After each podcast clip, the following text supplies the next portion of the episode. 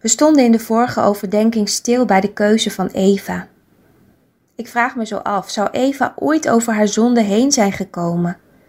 Heeft ze zich tot haar dood niet aangeklaagd gevoeld? Hoe lang heeft ze het gesis van de slang in haar oor gehoord? Heeft ze er wel over kunnen praten? Misschien heeft ze wel nachtmerries gehad of paniekaanvallen. Is ze nog naar God gegaan met alles wat ze fout heeft gedaan? Heeft ze haar zonde beleden? In de Bijbel leest je er niet veel over.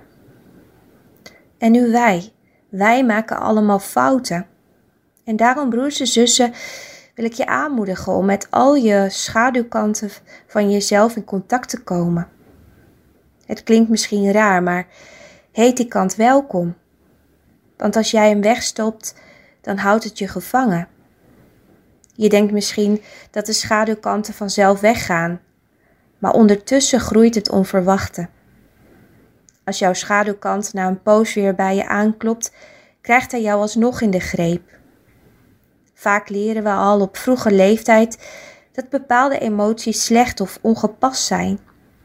Als we die emoties wegstoppen, stagneert het in ons. Als er in je ziel opgestapelde emoties zijn, dan raak je vroeg of laat uit balans. Je boosheid slaat om in bitterheid of wrok. Je verdriet wordt een depressie. Je schaamte maakt dat jij je verstopt.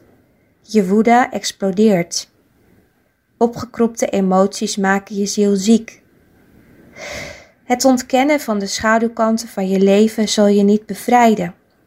De aanvaarding ervan helpt om je opgekropte emoties te ontladen.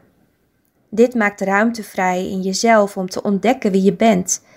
En wat is het bijzonder, broers en zussen, dat wij met onze schuld en schaamte naar God mogen gaan. Hem beleiden wat niet goed was. En weten dat Hij ons dan wil vergeven. Het is nodig dat je bewust bent van welke emoties je in de afgelopen jaren niet mocht uiten. Wees niet bang om deze onder ogen te komen. Want juist die bewustwording helpt je om de onvoorwaardelijke liefde en genade van Jezus Christus te kunnen pakken. In jouw verlangen om te leven zoals God het van je vraagt, wil de geest van God aan jou bekendmaken dat Hij zijn werk in jou begonnen is. En iedereen mag bij Christus komen, niemand uitgezonderd.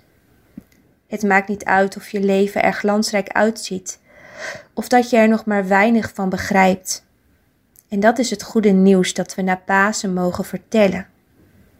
Maar er is nog meer goed nieuws. Je hoeft niet in je oude leven te blijven.